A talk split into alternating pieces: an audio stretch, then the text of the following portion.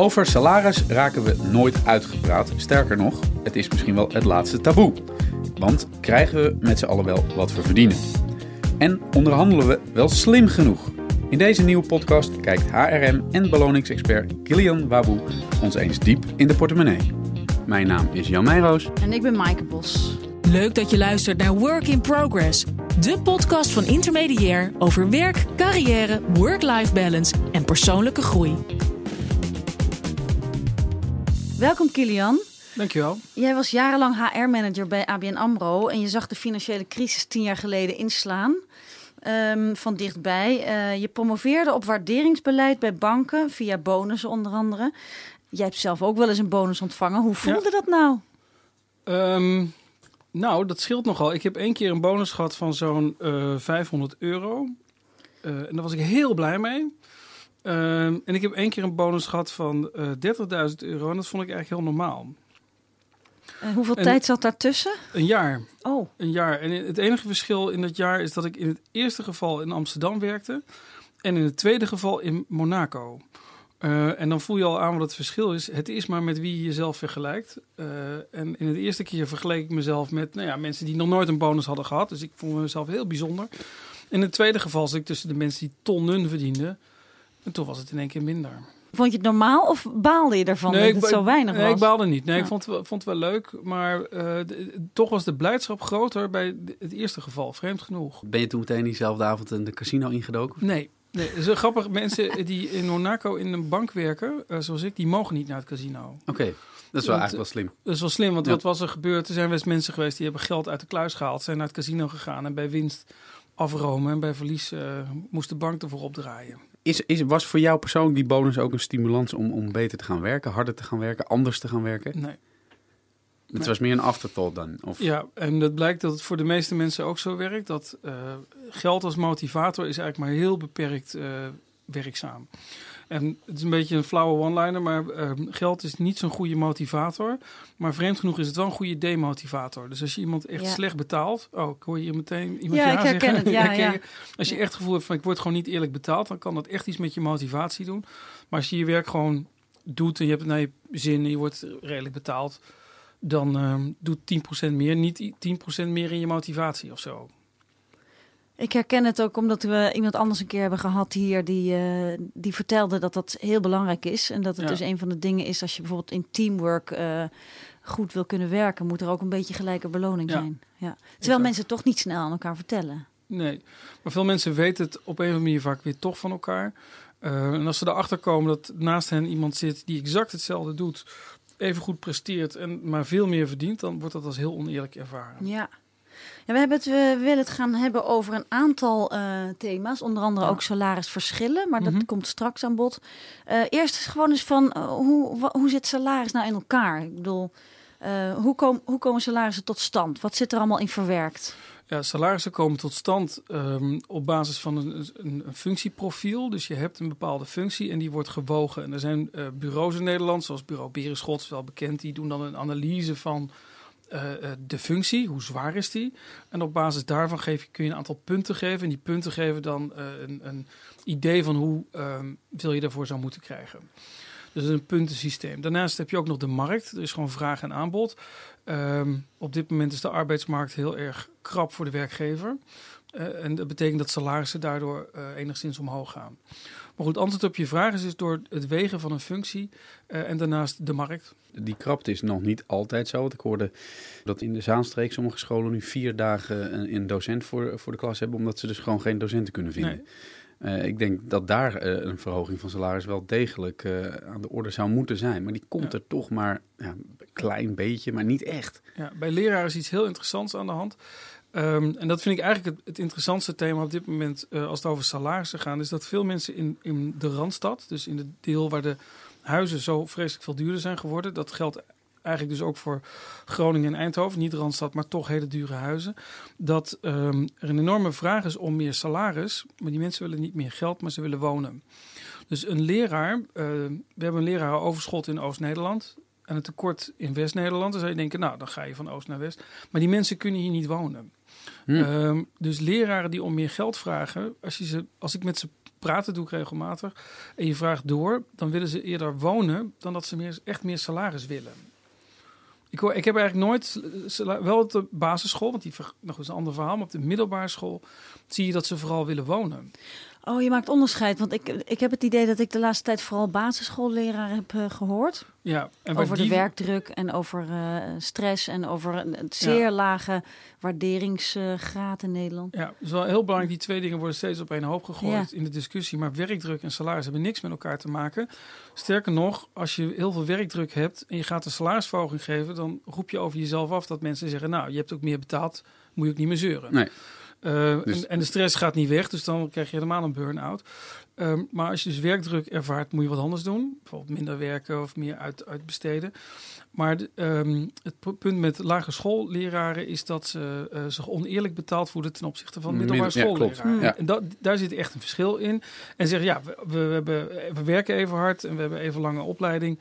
Waarom zou ik dan minder Is dat, verdienen? is dat uh, Europees eigenlijk zo? Of is dat, is dat iets typisch Nederlands, dat verschil de, tussen middelbare uh, docent en uh, basisschooldocent? Nee. Qua salaris? Uh, dat komt in meer landen komt dat voor. Uh, en dat, dat is historisch zo gegroeid. Omdat vroeger de middelbare schoolleraar was een soort van overtreffende trap van de, de basisschoolleraar of lerares. Die is ook hoger opgeleid, zou je Ja, kunnen dat zeggen. was vroeger ook zo. Dat is tegenwoordig eigenlijk niet altijd meer zo. Um, ja, en het gevolg is dat ze zich ten opzichte van die groep onterecht. Uh, het zijn, het zijn alle twee HBO-opleidingen. Ja. ja, dat is waar. Vroeger had je nog die, of ja, dat heb je nog steeds, die eerste graad uh, docenten die um, uh, universitaire ja. opleiding hebben gehad. Ja, maar als je dus appels met appels vergelijkt, dus de HBO-leraren in de middelbare school en, en lagere school, dan zit daar een salarisverschil tussen. Ja.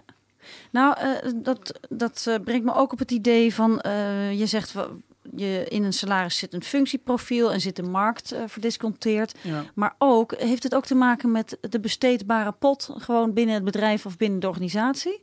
Of is er, is, is, is er een soort van een bazaal sociaal salaris voor publieke functies of zo? Nou, je hebt in ieder geval minimumloon. Dus er wordt, is gewoon vastgelegd Ja. dat mensen boven de 23 hebben, uh, levensjaren hebben recht op zoveel salaris. Zeg 1600 euro bruto per maand.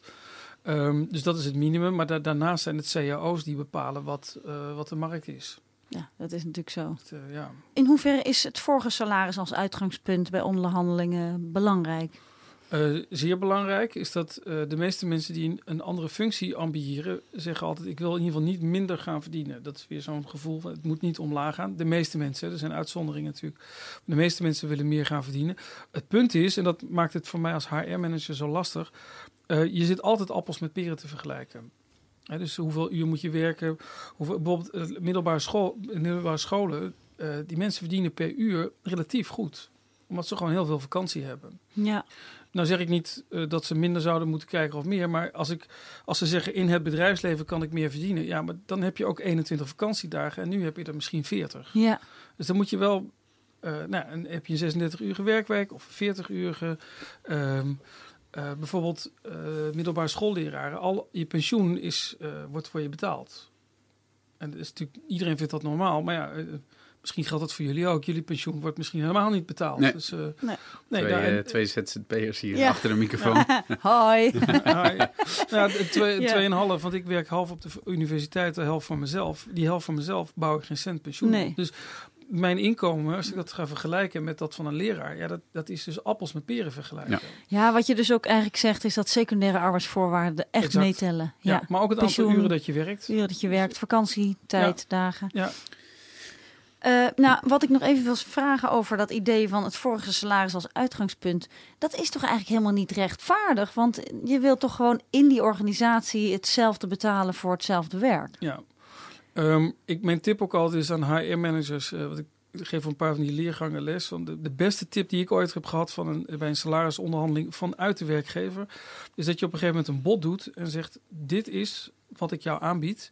En dan mag je ja of nee tegen zeggen. Maar ga nooit in discussie over is het vergeleken met jouw vorige salaris nou hetzelfde ja of nee? Want je komt in, in onmogelijke discussies uit. En werkte dat of gaan mensen dan alsnog weg? Dat werkt in zo. Het is gewoon een cirkelredenering. Van je hebt een aanbod en dan mag je ja of nee tegen zeggen. En ja met een glimlach of nee met vrienden uit elkaar. Maar je moet niet een discussie aangaan of, of een bijvoorbeeld een middelbare schoolleraar vergelijken met iemand in het bedrijfsleven. Dat, dat is Nee. mijl op zeven. Dat is vragen om, om moeilijkheden. Volgens mij zeg je eigenlijk als je een, een nieuwe baan eh, krijgt, dan, dan, dan is het gewoon dat is je salaris. En als je Ja. eenmaal in zo'n organisatie zit, dan pas na een paar jaar komt het onderhandelstukje. Niet helemaal. Dus je ziet wel dat een salarissprong maken gaat het beste als je wisselt van organisatie. Dus ehm, de grote sprongen, je kunt niet in één keer twee schalen overslaan in een gewone organisatie. Dat kan van de ene naar de ander kan dat wel. Dus als je echt meer wil verdienen, gaat dat vaak buiten een organisatie veel makkelijker dan erbinnen. Ehm dus het is wel een onderhandelmoment.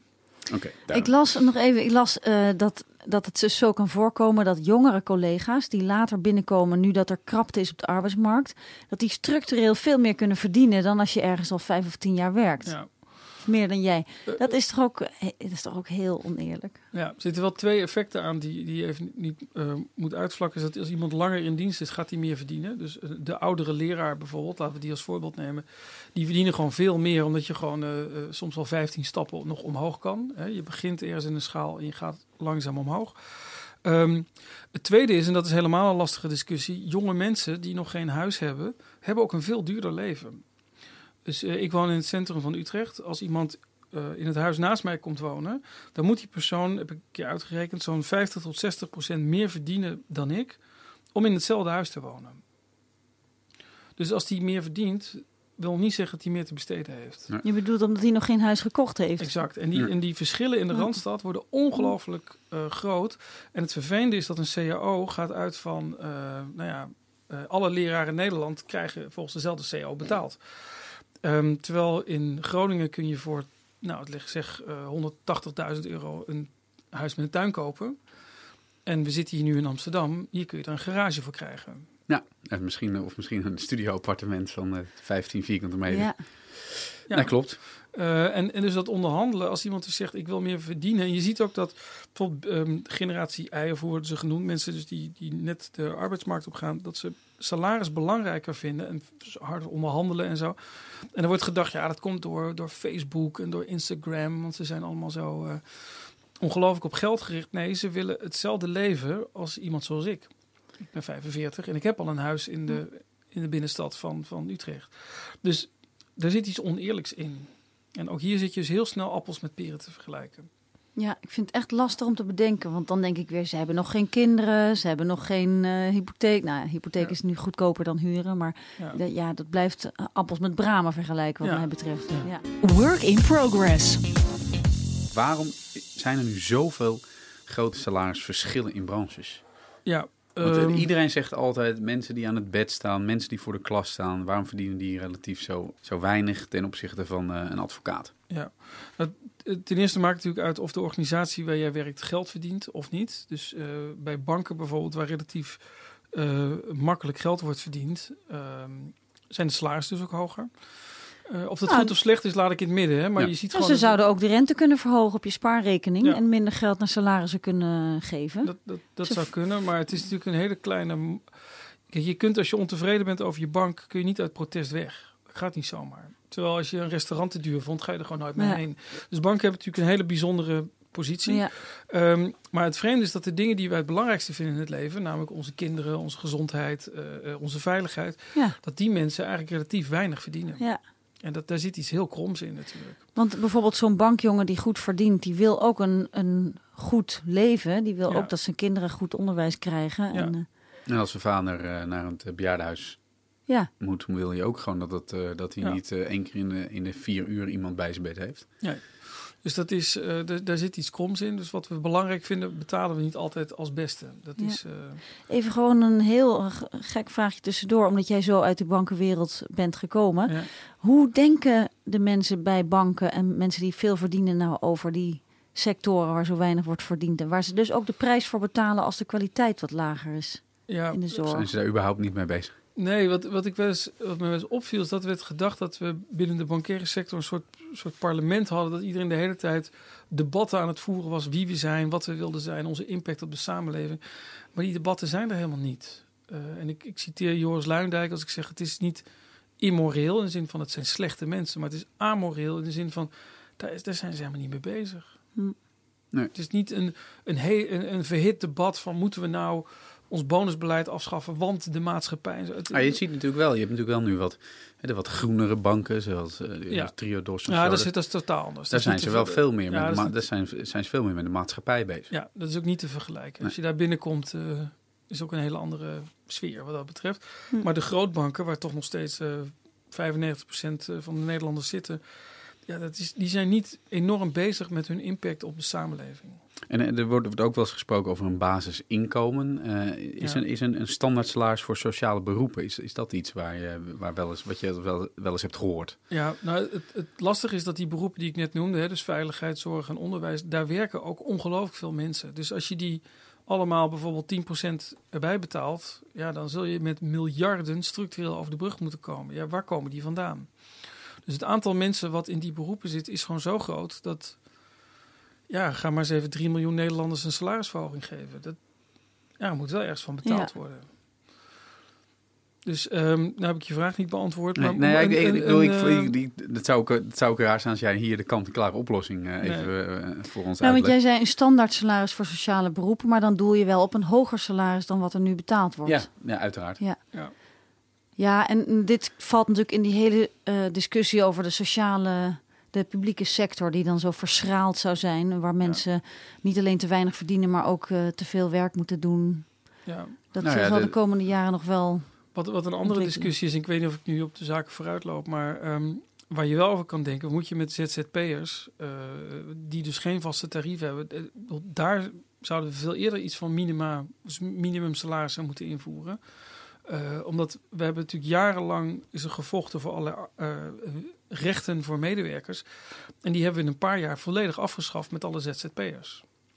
Dus Ja. als je 80 jaar geleden in de fabriek werkte en je kwam met je arm in zo'n machine, dan kreeg je tot het einde van de middag betaald en dat was het. Nou, dat vonden we erg en toen kwamen er allemaal nou ja, het wet om ons te beschermen. Als je nu ZZP'er bent, ik ben voor de helft ZZP'er, jij ook. Ehm, als jij dadelijk een ongeluk buiten krijgt, krijg je misschien nog tot deze middag betaald en dan is het afgelopen. Dus we Ja. zitten eigenlijk weer in die situatie die we 80 jaar geleden niet Ja. meer wilden hebben. Het enige verschil is dat jij er en ik ervoor gekozen hebben. Nou, dat is altijd ook wel relatief. Dat is misschien ook relatief. Oké, Nou ja, de laatste opmerking wil ik Ja, je, je rolt erin in de crisis en dan zijn er geen Precies, banen meer. nee, en ik, dan, ik, eh, ik, ja. ik neem deze opmerking terug. Ja. Inderdaad, niet iedereen heeft daar Ja. zo voor gekozen. Ja. En ehm, eh, we, we doen het voor onszelf misschien ook voor een deel aan. Dus eh, gewild of ongewild. Maar Maar in we, ieder geval... kunnen, we kunnen ons er ook wel tegen verzekeren tegenwoordig via allerlei constructies. Ja. Maar dat is, ook, dat is ook best wel duur. Uh, arbeidsongeschiktheidsverzekering, 300, 400 euro per maand. Zeker wel. Ja, ik Ja. zit in zo'n broodfonds. En als je ooit een keer een burn-out hebt gehad... of je hebt een of andere eh, ziekte of wat dan ook... dan is het nog veel meer. Ja, dan, ja, Ja, dan kun je... dan ben je Ik sprak echt laatst een, 800 per eh, maand kwijt. Ja, ik sprak laatst een ZZP'er die, die ooit een burn-out had gehad. Wilde een verzekering afsluiten. Nou, dat, was niet, dat is niet te betalen. En dan moet je ook nog een pensioen opbouwen, eh et cetera. Oké, en nu wil Ja. ik hem weer even heel klein maken. Want het is natuurlijk eh, ook een, een, een beetje de olifant in de kamer. Het, het salarisverschil tussen mannen en vrouwen. Ja. Eh, mannen die komen altijd weer uiteindelijk beter eruit. Eh, Ja. ook in de verschillende onderzoeken is dat mannen vaak beter in onderhandelen zijn. Daar komen we straks nog even op. Maar zou daar, zou daar ook niet gewoon voor moeten gelden? Ervaring, eh, wat heb je hiervoor gedaan en wat breng je mee, Ja. wat breng je mee naar de club? In plaats van, ja, het lijkt toch dat daar toch nog steeds wel een, een, een stuk discriminatie in zit. Ja. Seksendiscriminatie dan. Een, ehm, een opmerking vooraf is dat in onderzoeken zie je dat, dat het salarisverschil eh, afhankelijk van of de overheid of de marktsector is zo'n zo'n eh 15% is. Ehm, maar mannen zitten vaak in beroepen waar meer wordt verdiend. Dus eh, eh, in de zorg bijvoorbeeld zie je meer vrouwen. En de, waar we het net over hadden, de zorg verdient nou eenmaal minder eh, dan, ehm, dan bijvoorbeeld de marktsector. Ehm, mannen zitten vaak in leidinggevende beroepen, zeker de generatie hiervoor. Eh, die effecten moet je er wel eerst uithalen. Dus dat is een, En ook deeltijd werken van vrouwen, dat moet je er ook nog ja, uithalen. moet, moet je er ook aan. Dus er zijn allemaal effecten die, die, eh, laten we zeggen, die niks met discriminatie te maken hebben, maar laten we zeggen terechte effecten. Ja. Als je die eruit haalt, zie je nog steeds dat consequent mannen meer verdienen dan vrouwen. Al is dat gat eh, dan minder groot en neemt het ook wel wat af de laatste jaren. Overigens geldt het ook voor ehm, etnische achtergrond. Ja. Dat is alleen, wordt het in Nederland niet bijgehouden, maar het is wel in andere landen wel bijgehouden. Ja. En daar Nee, zijn wel ook, grote hoor. verschillen. Ja, in Nederland ook. Dat is wel interessant. Is dat eh, ook daar zie je grote verschillen, maar die moet je weer, daar moet je allerlei effecten uithalen. Maar dan eh, zie je dat culturele minderheden, of hoe dat tegenwoordig ook mag heten, ehm, dat die eh, minder verdienen dan eh autochtone Nederlanders. Ja. En waar zit het hem nou in? Hè? Is het Ja. nou gewoon dat ze al om te beginnen minder krijgen of dat ze niet goed onderhandelen? Ja, nou dat is, een belangrijke vraag, want er wordt meteen geconcludeerd, dus is het discriminatie, maar dat is niet altijd waar. Ehm, en een leuke metafoor, ik weet niet of het leuk is, maar sprekend, is dat kinderen van een jaar of 13, daar zie je al dat jongens meer eh, zakgeld krijgen dan meisjes. Nou, maar echt waar? Dat Ja, is dus, ja, ja. dus die ouders die zijn daar helemaal niet zich van bewust. En die, Nee, maar nu, Maar ook nu binnen een het- gezin, binnen een een gezin. Maar, maar hoe komt Dat het heb ik nog nou? nooit eerder gehoord. Nee, dat is ook. eh, eh, nou goed, het is natuurlijk iets wat je heel makkelijk kan uitrekenen hè, van, eh, of, of vragen. Maar de conclusie is dan meteen: oh, die jongens die worden positief, of die meisjes worden gediscrimineerd. Dat is niet bewezen. Wat, wat ehm, waarschijnlijk het geval is: jongens vragen er gewoon meer om. Ja. En iedere ouder, en ik ben zelf ook ouder, weet dat als een kind iets wil, dat je ook moet afvragen: heb ik zin in het gezeur als hij het niet krijgt? Dus een kind wat zeurt, hoe hard het ook klinkt, krijgt meer. maar dan geef je toch iedereen het- dan meer? Maar eh? medewerkers is het niet anders. Ja. Dus een medewerker die zeurt, ik zeg het oneerbiedig, maar dat komt het eigenlijk gewoon op neer. Dus eh, op de juiste manier zeuren levert gewoon wat op. Dus dat is eigenlijk, dat is eigenlijk, de, de, de, de- dat is eigenlijk het gouden antwoord. Meer Ja. zeuren. Ja, dat klopt. Je moet wel een beetje je goed je werk doen. Je moet ook niet te vervelend zeuren, maar eh, Balans. een Ja. balans. Mijn, mijn ehm, eh, oude baas die zei altijd tegen mij, er kwam er weer iemand, ik was HR-manager, en er kwam weer iemand te zeuren over zijn salaris. En die verdiende dan 2 ton en die wilde dan 2,20 of zo, of 2,10. Wat een, wat een bedrag ook. Ja, nee, maar serieus. En Ja. dat had ik dan regelmatig gemaakt dat mee. En ik was dan een beetje de, degene die dan de boel in moest perken. En dan zei ik, joh, laten we dit nou gewoon niet doen, want onderzoek laat zien, hij, loopt toch niet weg, et cetera, et cetera. En dan zei hij altijd, Kilian, als hij wel wegloopt, ga jij het werk dan overnemen? Dan zei ik natuurlijk nee, want ik kon dat, die baan helemaal niet. Zei hij, joh, het kost mij, niet eens mij, het kost 20.000 euro. Ik ben van al het glazen af, ik hoef geen recruiter in te huren, geef het maar gewoon. En zo gaat het Ja. vaak met salarisonderhandelingen. Je, je wil iets en degene aan de andere kant van de tafel gaat een inschatting maken. Ja, heb ik zin in dit gezeur? Ja, En als hij nou echt weggaat, dan heb ik een enorm probleem. Weet je wat? Wil jij er 100 euro per maand bij? Prima, joh. ja. Oké, nou, Maar wat ook- ik nog even over dat zakgeld. Want als mijn zoontje dat zou vragen, Ja. dan zou ik onmiddellijk mijn dochter ook eenzelfde verhoging geven. Terwijl in het Ja, bedrijf maar jij bent dat gewoon nooit. heel aardig, Mike. Nou, ik vind het rechtvaardig. Ja, Dat maar nu, zeg ik maar nu aardig. krijg je al eh, Ja. het volgende. Je hebt eh, kinderen van verschillende leeftijden. Ja. Eh, dan, dan is het ook nog de vraag, in, dus heel technisch, hoeveel krijgt een jonger kind er dan bij als, als de oudste van Net een zoveel tientje... naar- procent, toch? ja, is dat in procenten of is dat in centen? Of Dat is is ook lastig. Dat is ja. ook lastig. En daar heb je ook helemaal geen zin in. En Ja. dan komt je zoontje en zegt... joh, ik heb nu 3,30 euro en ik wil 3,50 euro. En oké, 3,40, klaar. Nou, Nou, ja, ja. Maar goed, Ja. en dit is wel echt meteen een, een gouden tip natuurlijk. Ja. Dus gewoon, eigenlijk zeg je, als je dat echt wil en je weet van jezelf, ik doe het goed binnen de organisatie, meer van je laten horen, meer Ja. met die vuist op tafel. Ja, je hebt de subtiele methode. Hè. Dat is wel iets wat vrouwen minder doen. Is gewoon je successen delen. Niet eh, te luidruchtig, maar heel subtiel mensen vooral vertellen wat je goed hebt gedaan. Wat gewoon persoonlijke PR, dat, dat helpt. Ten Ehm, opzichte van wie dan? Je baas, eh, de HR-manager? Ja, dat is met name degene die je salaris bepaalt. Ja. Dus dat is dan je, je leidinggevende. Maar dat moet je wel subtiel doen. Hè? Niet eh, Hm. van de daken schreeuwen. Dat hebben Niet, mensen niet, ook niet tijdens de lunch in de kantine. Nee, maar zo'n eh, achterloos of nog beter zorg dat iemand anders het dan weer dat, dat ze over je praten en zo. Dus dan moet je een beetje aanvoelen hoe je dat doet. Maar de allerbelangrijkste tip voor een salarisonderhandeling is dat je het gewoon moet vragen. Want als je het niet vraagt, dan krijg je het niet. Dat is Nee. bijna een Cruyffiaans. Ja, dit is Als je echt- niet scoort, kun je ja, niet Als winnen. je Ja. niet schiet, eh, Gaat hij er niet in. gaat hij er niet in. Dus je, je, zult, ehm, eh, je zult er gewoon om moeten vragen. En dan komt tip 2, als ik die ook meteen mag doen. Uiteraard. Het antwoord wat je dan gaat krijgen is dat het niet kan. Hè, dus bijna nooit dat iemand dan zegt: Oh, Oh, hier. Ja, is goed joh. Hoeveel Ja. had je zelf gedacht? Nou, 10%. Ja, joh, is goed. Of wil je niet 12? Dat kan ook nog. Nou, dat zal Ja, niet gebeuren. ja, ja. En wat je dan moet doen, is dat je tegen die, die leidinggevende dan zegt... Wat moet ik dan wel doen om het te bereiken? Want op dat moment eh, ligt, het bij, ligt de bal bij de manager. Die er eigenlijk ook helemaal geen zin in heeft. Want die kan vaak helemaal niet managen. Dus dat is ook dan weer een voordeel. en, die, en die zegt, oké, wat moet ik dan doen? En dan ga je afspraken. Ik wil afspraken met jou maken wat ik moet doen om een salarisverhoging te krijgen. Maar dan krijg je ook nog die werkgevers die zeggen: ja, het geld is er gewoon niet. En als vrouw denk je, denk je dan eerder: Oké. nou, oké, ik wil ook niet de Ja. organisatie in het gevaar brengen, dus laat maar weer zitten. ja, nou, dat, dat Eh, laatste eh, komt inderdaad veel voor. Ja, ik wil even vertellen, FNV heeft het onderzocht. En het Ja. schijnt dus zo te zijn dat vooral vrouwen eh, zeggen als antwoord van... nee, ik onderhandel niet, want ik zit in een sector met een CAO... en daardoor heeft onderhandelen helemaal geen zin. Eh, maar iedereen weet die zelf een onderhandeling heeft gedaan. eh, er is, i- iedereen heeft altijd nog iets in zijn achterzak zitten. Ja. Altijd. Ja. Eh, of je ooit nou voor een huis hebt onderhandeld, of, Een auto. of, een auto, of in Egypte op een tas hebt staan afdingen. Er is altijd ruimte voor onderhandeling. Altijd. En iedereen zal natuurlijk altijd zeggen, die is er niet. Eh, maar dat is natuurlijk ook maar spel.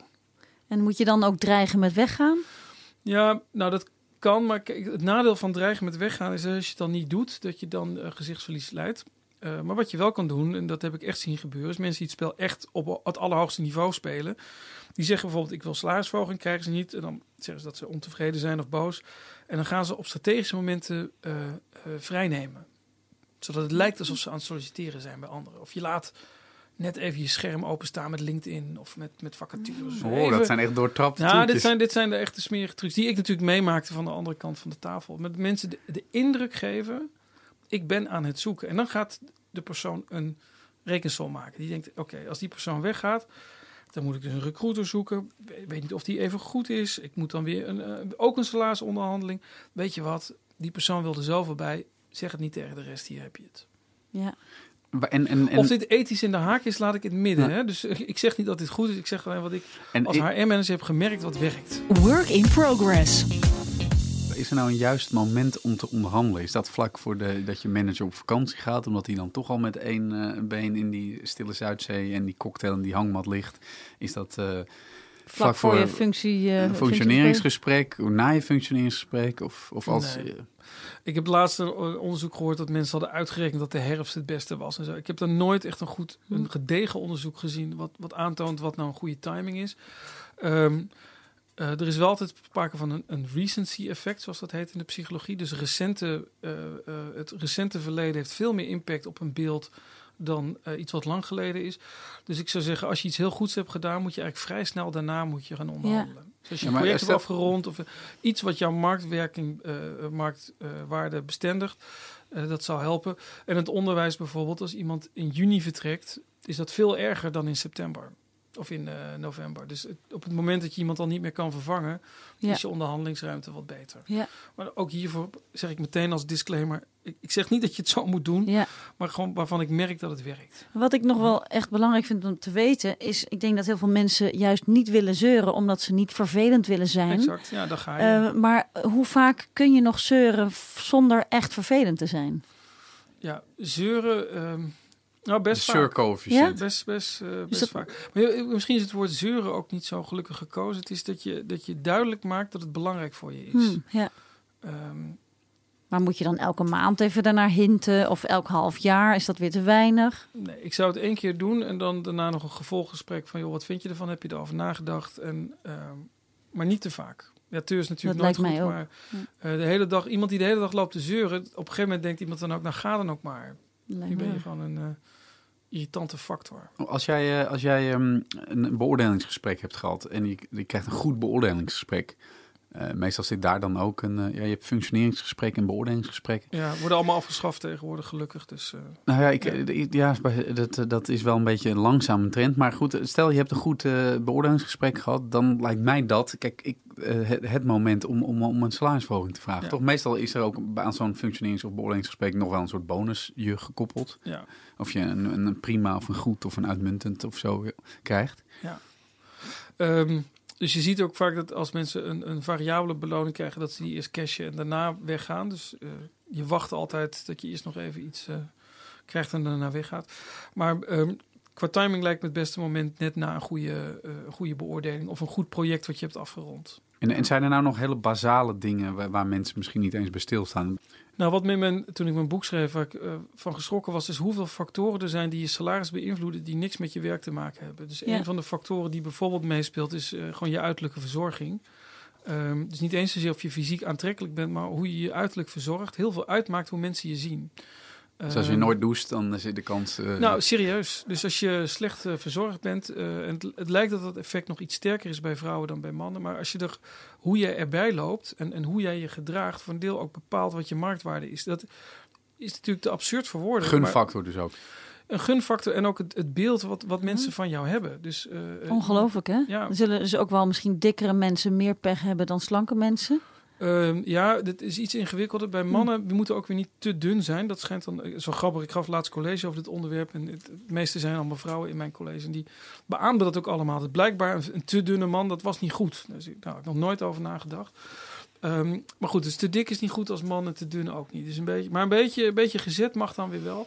Het blijkt dat je bij 90 kilo eh, op het optimum zit. Dus een beetje, een beetje stevige, stevige kerel. 90 kilo, eh, dan kun je wel weer een, eh, een duizendje erbij vragen. Nou ja, maar het, het, het beeld is van een goede medewerker. Dat, we hebben dus een enorm clichébeeld in ons hoofd van wat dat is. Dus dat is een man, die is lang, die is iets wat gezet. eh, die spreekt accentloos Nederlands. ehm, eh, die is eh extra Gezellig. is, is extravert, is, is eigenlijk soms ook best vervelend. Nou, en dan heb je een beetje het standaard idee van hoeveel managers eh, er zijn. Of in ieder geval topmanagers met name. Als je van alle AX-bedrijven achter elkaar zit, dan heb ik ze bijna net allemaal beschreven. Maar ik voel ook wel weer een probleem dat dan diegene die de salarisverhoging moet geven, Ja. die heeft dus dan die man in zijn hoofd zitten. En iedereen Ja. die daar niet aan voldoet, die heeft weer een heeft dus beetje pech, minder ja. pech. Meer pech. Dus dan is het ook weer goed als er vrouwen op harem zitten, bijvoorbeeld. Ja, maar de vraag is of ze in staat zijn om dit beeld te kantelen. Dus Hmm. eh, vrouwen ten opzichte van elkaar zijn ook niet heel aardig, Hmm. moet ik zeggen. Ehm, dus nee, maar er zijn in ieder geval heel veel factoren die oneerlijk zijn. Dus en, en, Het idee dus dat salaris dus eh, tot een heel eerlijk proces is, eh, dat- is dus helemaal Ja. niet zijn er ook nog klassieke don'ts? Je zegt net, zorg dat je in ieder geval eh, je, je persoonlijke hygiëne een beetje op orde hebt. Ja. Eh, niet te smoeselig opkomen dagen. Zijn er nog andere? Ja, ehm, ook hier don't shoot the messenger. Maar het, het hebben van een zwaar regionaal accent eh, is ook niet in je voordeel. Eh, dus Maar daar die- kun je niks meer aan doen als je het eenmaal hebt. Nou ja, ik heb het voor het programma Nou ja. waar ik laatst aan heb meegewerkt, toen, toen kwam er een, eh, een logopedist die dus regelmatig mensen krijgt die van hun accent af willen komen. Eh, omdat ze dus merken dat, dat hen dat hindert. Nogmaals, ik, ik, ik voel altijd de neiging om uit te leggen dat, dat, dat niet, ik dat niet vind, maar dat, dat het beeld wat je hebt van een, Hm. Een manager of van iemand die intelligent is bijvoorbeeld, dat is niet iemand met een zwaar accent. Dat is het beeld wat veel mensen hebben. Dus als je dat wel hebt, dan, dan ben je in het nadeel vaak. Goh, ik ben wel nu wat wijzer geworden dat ik denk hoeveel van die factoren er allemaal in het salaris gevangen zitten. Ja. Ik begrijp ook dat jij dan ervoor pleit om die er allemaal weer uit te halen. Maar hoe groot acht je de kans dat dat, eh, dat, dat overgenomen wordt? Nou, kijk, het enige, er wordt, nou, ik moet zeggen, tien jaar geleden heb ik een aantal dingen in de banksector gezegd. Eh, toen ben ik echt voor communisten versleten. Het meest eh, vreselijke verwijten kreeg ik aan mijn hoofd. En, en inmiddels, eh, heel veel daarvan is ingevoerd. De bonussen zijn afgeschaft, beoordelingsgesprekken worden afgeschaft. Er zit, er zit wel degelijk een positieve lijn in. Dus laat ik eh, dat zeggen. Ehm, als het om salarissen gaat, zullen we. Als je heel goed onderzoek doet, kun je ook wel zien welke factoren er dus van invloed zijn op een salaris. En kun je er ook wat aan doen. Dus ik heb nu bij een paar bedrijven onderzoek gedaan naar bijvoorbeeld eh beoordelingsscores, verschil tussen mannen en vrouwen. En op, de basis, op basis daarvan zie je dat ze gewoon echt ander beleid gaan invoeren. Ehm, En wat houdt dat, houdt dat, wat houdt dat echt in? eh nou praktisch? ja, als, je, als je mensen kunt confronteren met hun eigen cijfers. Als je zegt je hebt 10.000 medewerkers. En alle mannen worden gewoon beter beoordeeld in dezelfde functie dan vrouwen. En je kunt dat niet uitleggen. ja, dan, dan moet je er wat aan doen. Maar als je er wat aan wil doen en de geldpot die te verdelen valt is niet groter, dan moeten mensen ook inleveren en dat zal niet gebeuren. Nou ja, en als ze dat dus niet doen, zit je een jaar later weer. Eh, en de buitenwereld, en dat is echt wel een groot verschil met eh, de afgelopen jaren, dat de buitenwereld wordt steeds kritischer. Hm. Dus als jij eh, eh, winkelt bij een bepaald supermarktmerk en je hoort dat daar niet eerlijk wordt betaald tussen mannen en vrouwen, dan heeft dat im- impact op jouw gedrag. Dat komt in de krant, mensen zetten het op Twitter. En bedrijven moeten daar wat mee. Dus als bedrijf moet je wel zorgen dat je eerlijk bent en, en niet in, intern discrimineert bijvoorbeeld. Tot slot eh, nog een andere trend op salarisgebied waarvan jij zegt, nou dat, eh, dat de komende jaren zullen we daar meer mee te maken krijgen. Of dingen waarvan jij ziet van, dat is, je noemde net al wat, dingen die aan het kantelen zijn, maar heb je nog iets wat, eh, waarvan heet van de naald? Ja, ik heb er best wel wat, dus ik zal proberen een beetje te focussen. De eerste is het hele duidelijke verschil in woningprijzen. dat dat niet uh, in onze salarissen is verdisconteerd. En dat de waarde van geld in delen van Nederland enorm aan het verschillen is. En die verschillen worden groter. En daar moeten we iets mee. Um, dat is een enorme duidelijke trend. een tweede trend is dat personeel wordt schaarser.